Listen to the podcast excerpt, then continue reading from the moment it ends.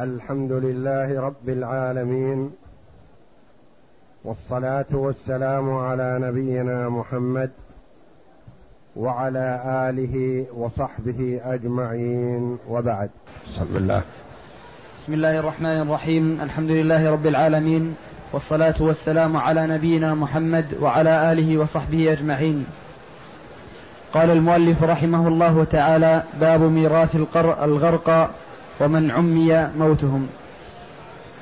قول المؤلف رحمه الله تعالى باب ميراث الغرقى ومن عمي موتهم يعني خفي موتهم من المتوارثين. ممن ماتوا بغرق أو حرق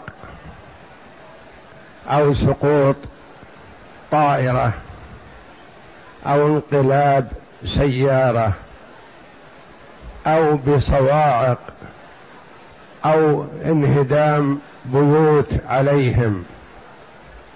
ونحو ذلك يعني الموت الجماعي بين المتوارثين ولا يعلم من السابق من المتأخر.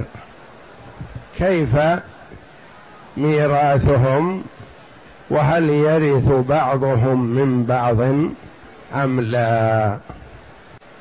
وهذا الباب اختصره المؤلف رحمه الله تعالى كما تقدم لنا في المناسخات وفي قسمة التركات لأن المؤلف رحمه الله تعالى في كتاب الفقه يعطيك نموذج ويبين الطريقة ويترك تشعب القضايا وتعددها ومصحاتها وما إلى ذلك يتركه للكتب المختصة في إيضاح المواريث كتب الفرائض.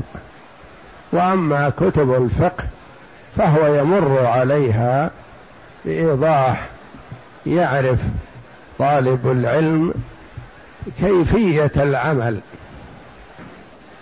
وإذا تشعبت القضايا فمرجعها إلى كتب الفرائض. وتقدم لنا في دراستنا للفرائض أن الغرق ونحوهم لهم أحوال أحوال خمسة نوردها باختصار كما جاءت في عمدة في عدة الباحث. الأولى أن يعلم تقدم بعضهم على بعض. هذه واحدة. وها في هذه الحال يرث المتأخر من المتقدم بالإجماع. يعني والد وولده زوج وزوجه أخ وأخوه. مثلا أحدهم مات قبل الآخر بخمس دقائق. يعرف أنه هذا مات أول بخمس دقائق ثم مات الثاني. فإن الثاني يرث من الأول لأنه عرف أنه حي حال موت مورثه. بالإجماع. الثانية أن يعلم أنهما ماتا معا. هذه حال أن يعرف أنها خرجت روح كل واحد منهما أو منهم مع الآخر أو الآخرين في لحظة واحدة. فلا يرث بعضهم بعضا بالإجماع. مجمع على هاتين الحالتين. أن يعلم أنهما ماتا معا. فلا توارث. أن يعلم أن أحدهما تأخر عن الآخر ولو بخمس دقائق فإن المتأخر يرث المتقدم. الثالثة الا يعلم تقدم ولا تأخر. جاءوا وجدوهم أموات ولا يعلم هل تقدم أحدهم أو تأخر. الرابعة أن يعلم ثم ينسى. الخامسة أن يعلم ثم يجهل. يعلم ثم ينسى. يكون نسيان. أن يعلم أن أحدهما مات قبل الآخر أو بعد الآخر لكن ما يدرى أيهم. الفرق بين النسيان وبين الجهل. النسيان سبقه علم يعني يعلم أن زيد مات قبل عمرو لكن من ذهول الحاضرين وحر المصيبة ونحو ذلك قالوا والله ما ندري حنا نعلم أن واحد مات قبل الآخر. وعرفناه في وقتها لكن الآن نسينا ما ندري أيهم. وكان عندهم علم هذه حالة. الحالة الثانية أن يعرف أن أحدهما تأخر عن الأول لكن ما يدرى من هو ما تمكنوا من الوصول إليهم مثلا. يقولون مثلا في غرفة انخنقوا واحد يكلمنا والآخر ميت.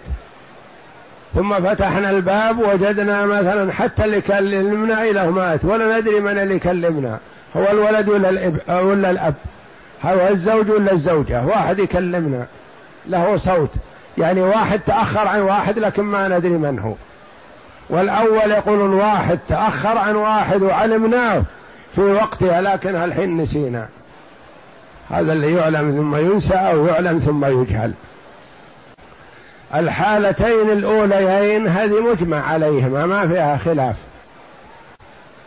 أن يعلم أن أحدهما تأخر ويعرف.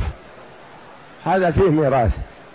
الثانية أن يعلم أن لا يعلم تقدم ولا تأخر إطلاقا. هذه الحالة الثانية أن يعلم أنهما ماتا معا وهذه لا توارث. في هاتين الحالتين أجمع الأئمة الأربعة على أنه الأولى فيه التوارث والثانية لا توارث. بقي معنا ثلاث الحالات وهما أن لا يعلم تقدم ولا تأخر ما يدرى أيهما مات الأول إطلاقا. أن يعلم ثم ينسى أن يعلم ثم يجهل.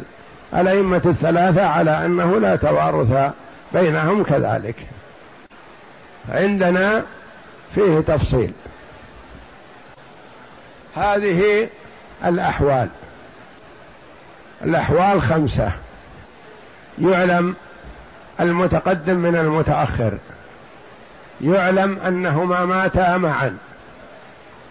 يعلم لا يعلم تقدم ولا تأخر. يعلم ثم ينسى يعلم ثم يجهل. الحالتان الأوليان هذه لا خلاف فيهما. الأولى فيه التوارث بالإجماع والثانية فيه عدم التوارث بالإجماع.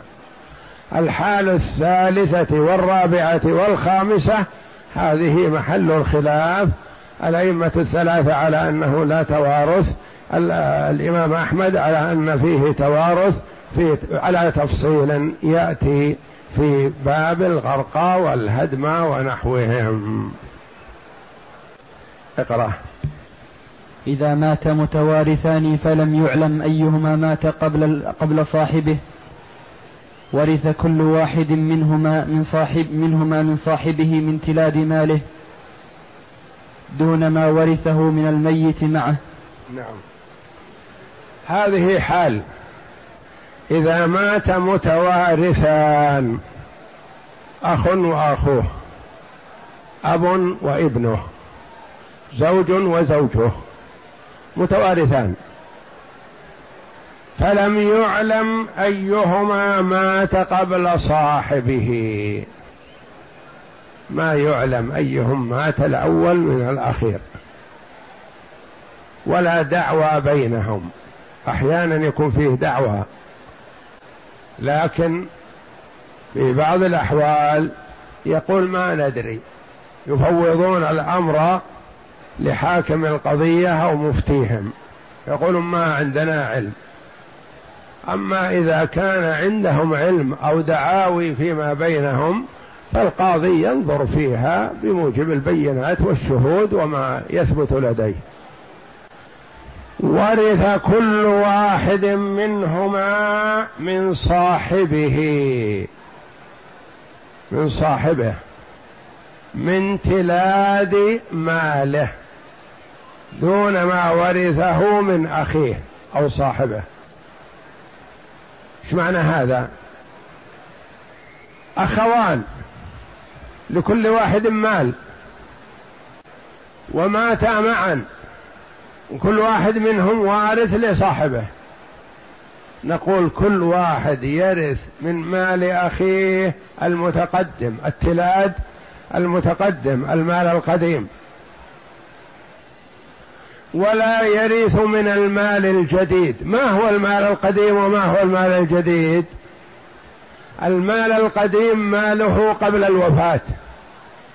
المال الجديد الذي ورثه من أخيه. لو قلنا المال الذي ورثه من صاحبه يورث منه معناه عاد إلى الميت الآخر ماله.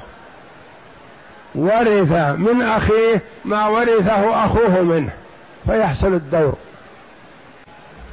وإنما يرث أحدهم من صاحبه من ماله التليد التليد القديم. ولا يرث من ماله الجديد الذي ورثه منه. لما؟ قال لأن ذلك يروى. نعم. لأن ذلك يروى عن عمر وعلي وإياس بن عبد المزني رضي الله عنهم يروى عن هؤلاء الثلاثة عمر وعلي رضي الله عنهما حسبك بهما. فالإمام أحمد رحمه الله شديد التمسك بالحديث ما يجتهد وهو يجد حديثا عن النبي صلى الله عليه وسلم. ففي هذه الحال أو يجد عن الصحابة رضي الله عنهم. فلهذا فصل في هذه المسألة كما روي عن عمر وعلي رضي الله عنهم. نعم. فنقول. فتقول في أخوين غرقا وخلف كل واحد منهما زوجته ومولاه. يقدر أن انتبه. اثنان من الإخوة. غرقا. غرقا معا. ولم يعلم متقدم من متأخر. من ورثتهم؟ كل واحد يرث أخاه. ومعه زوجة ومعتق. الكبير يرثه أخوه وزوجته ومعتق له. والصغير يرثه أخوه هذا الذي مات معه وزوجته ومعتق له آخر غير معتق أخيه. إذا ورثنا الأخ الذي مات معه ما ورثنا المعتق. إذا ما ورثنا المعتق ورثنا المعتق ما نورثه إلا أن أخاه ميت قبله. انتبه. مات وعنده زوجة ومعتق. وأخوه الذي مات معه. إذا ورثنا أخاه الذي مات معه هل نورث المعتق؟ لا لأن هذا أخوه. النسب. إذا لم نورث أخاه الذي مات معه لمن يكون ماله؟ لزوجته ومعتقه. عاصب الزوجة لها الربع. فكيف العمل؟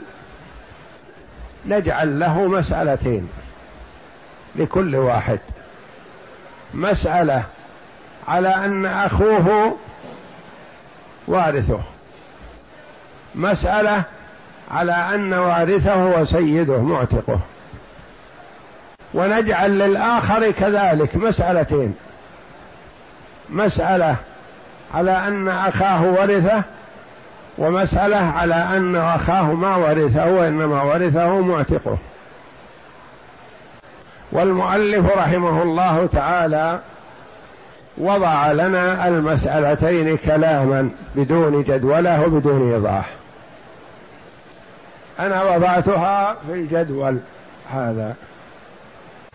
نعم يقدر. يقدر أن الأكبر مات أولا فلزوجته الربع والباقي لأخيه الأصغر. أخوه الأصغر ورثه لأن قدرنا أن الأكبر هو اللي مات أول. الأكبر مات أول من يكون ورثته؟ زوجته وأخوه قطعا. ثم نعكس. نجعل الأصغر هو الذي مات. فينتج خلاف ذلك كما سيأتينا في الجدول. نعم. ثم مات الأصغر عن ثلاثة أسهم فلزوجته الربع وباقيه لمولاه فتضرب أربعة في أربعة. يعني الأصغر ماذا يكون له من تركة أخيه الأكبر؟ ثلاثة أسهم. ومسألته من أربعة.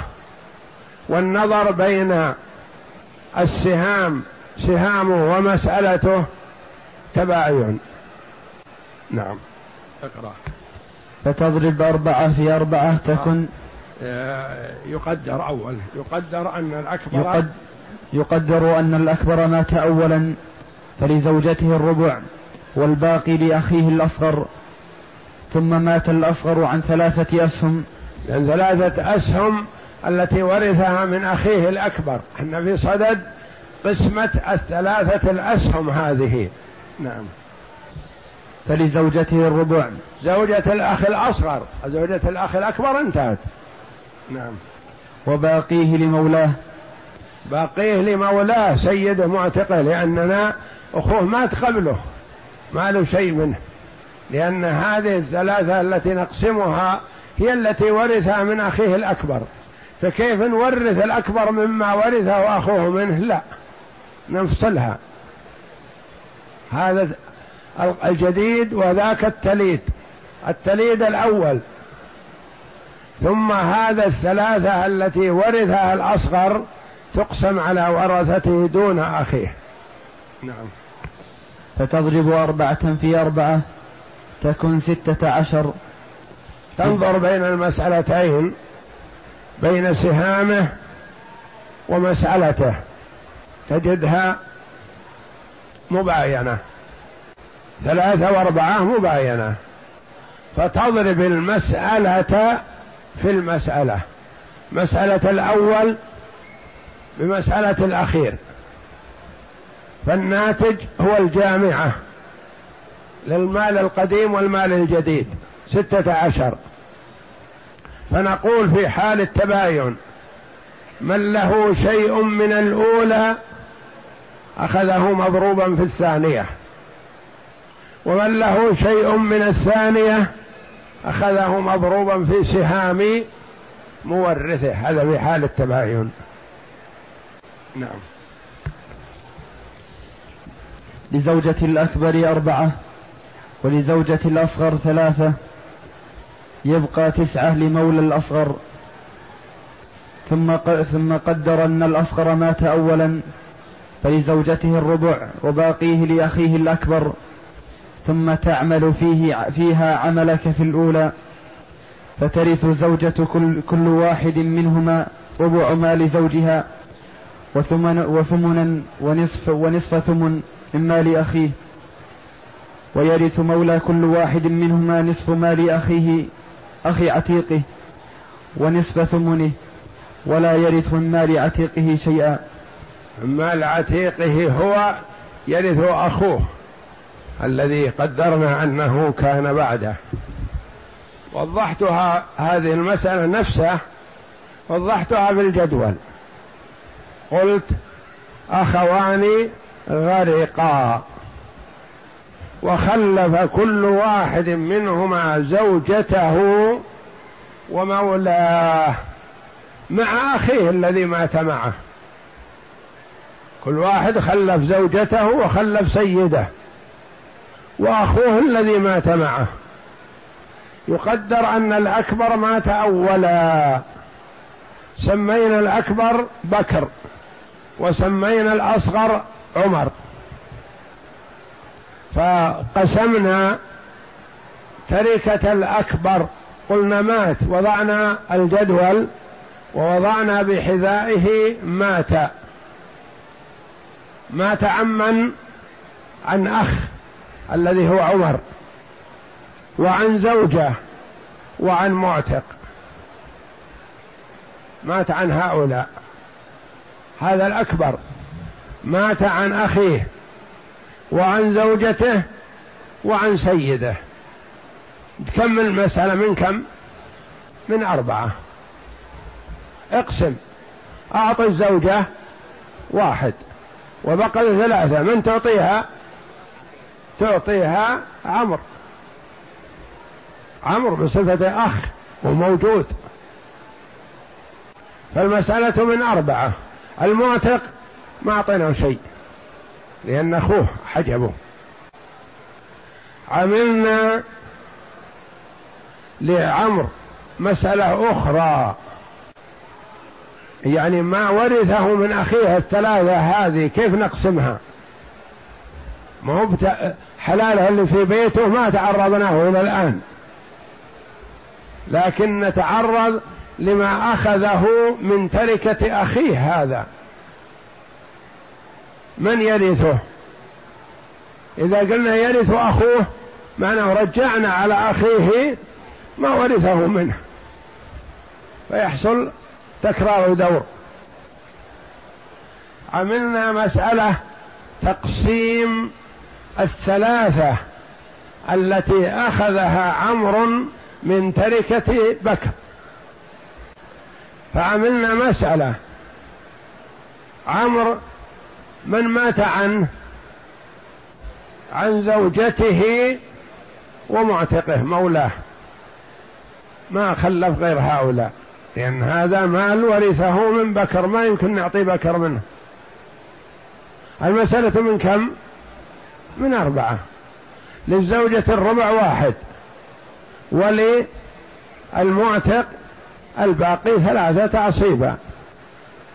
صار عندنا مسألتان. مسألة قسمة مال بكر على ورثة بما فيهم أخوه. المسألة الثانية قسمة نصيب أخيه على ورثة الأخ.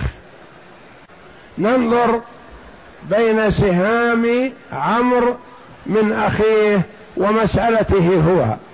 نجد ثلاثة سهامه ومسألته من أربعة. بين الثلاثة والأربعة تباين هذه قاعدة مضطردة كل عددين متواليين بينهما تباين. ما يصير متفقين في جزء من الأجزاء ولا تداخل. إذا وجدنا المسألة فيها تباين نضرب المسألة الأولى في المسألة الأخرى. أربعة في أربعة كم يكون؟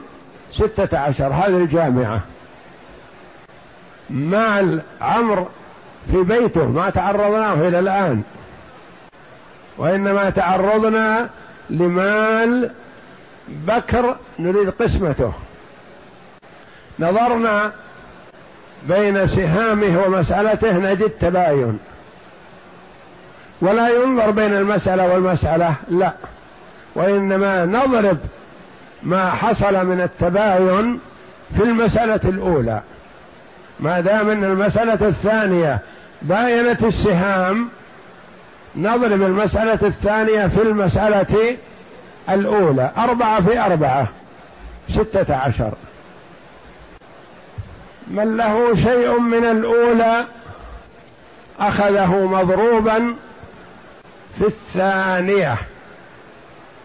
ومن له شيء من الثانية أخذه مضروبا في سهام الميت الثاني. فمثلا زوجة الأول كم لها من المسألة الأولى؟ واحد. مضروبا في المسألة الثانية واحد في أربعة بأربعة. المعتق له شيء من المسألة الأولى؟ لا. عمرو له شيء من المسألة الأولى؟ له ثلاثة لكن ما يعطى شيء ميت هو. نجي لورثته. ورثة عمرو من هم؟ زوجته ومعتقه. فنقول لزوجة الثاني عمرو لها واحد في السهام واحد في ثلاثة بثلاثة. وللمعتق ثلاثة في ثلاثة بتسعة. اجمع ما تحت الجامعة تجد لزوجة الأول أربعة. ولزوجة الثاني ثلاثة. هذه كم؟ سبعة. ولزوجة. وللمعتق تسعة. تسعة وسبعة كم صارت؟ ستة عشر هذه الجامعة تطابقت.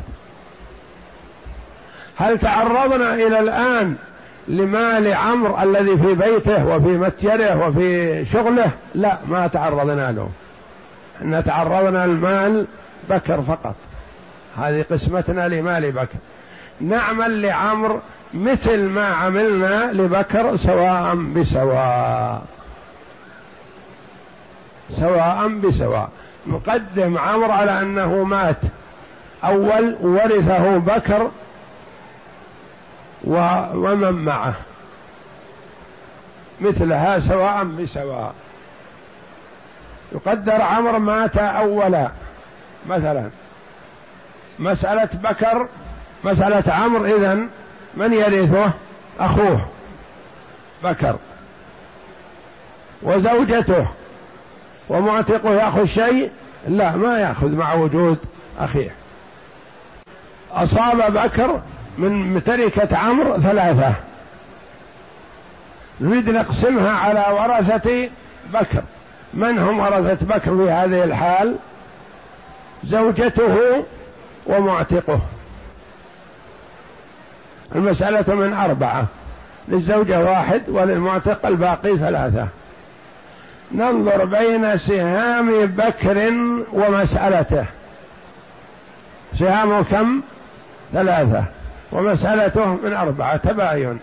نضرب المسألة في المسألة أربعة في أربعة بستة عشر. نعطيهم مثل ما أعطينا الأولين. قلنا لزوجة عمرو واحد في أربعة بأربعة. لمعتق عمرو ما له شيء لأنه ورثه أخوه. لزوجة عمرو الثاني اللي هو بكر من ميراث عمرو لها واحد في ثلاثة بثلاثة. ولمعتقه معتق بكر له ثلاثة له ثلاثة في ثلاثة بتسعة. يعني لكل واحد نعمل له مسألتين. وكل مسألة مستقلة عن الأخرى. لأن المسألة الأولى في ميراث بكر وماله وما كان في مستودعاته ومتاجره وغير ذلك.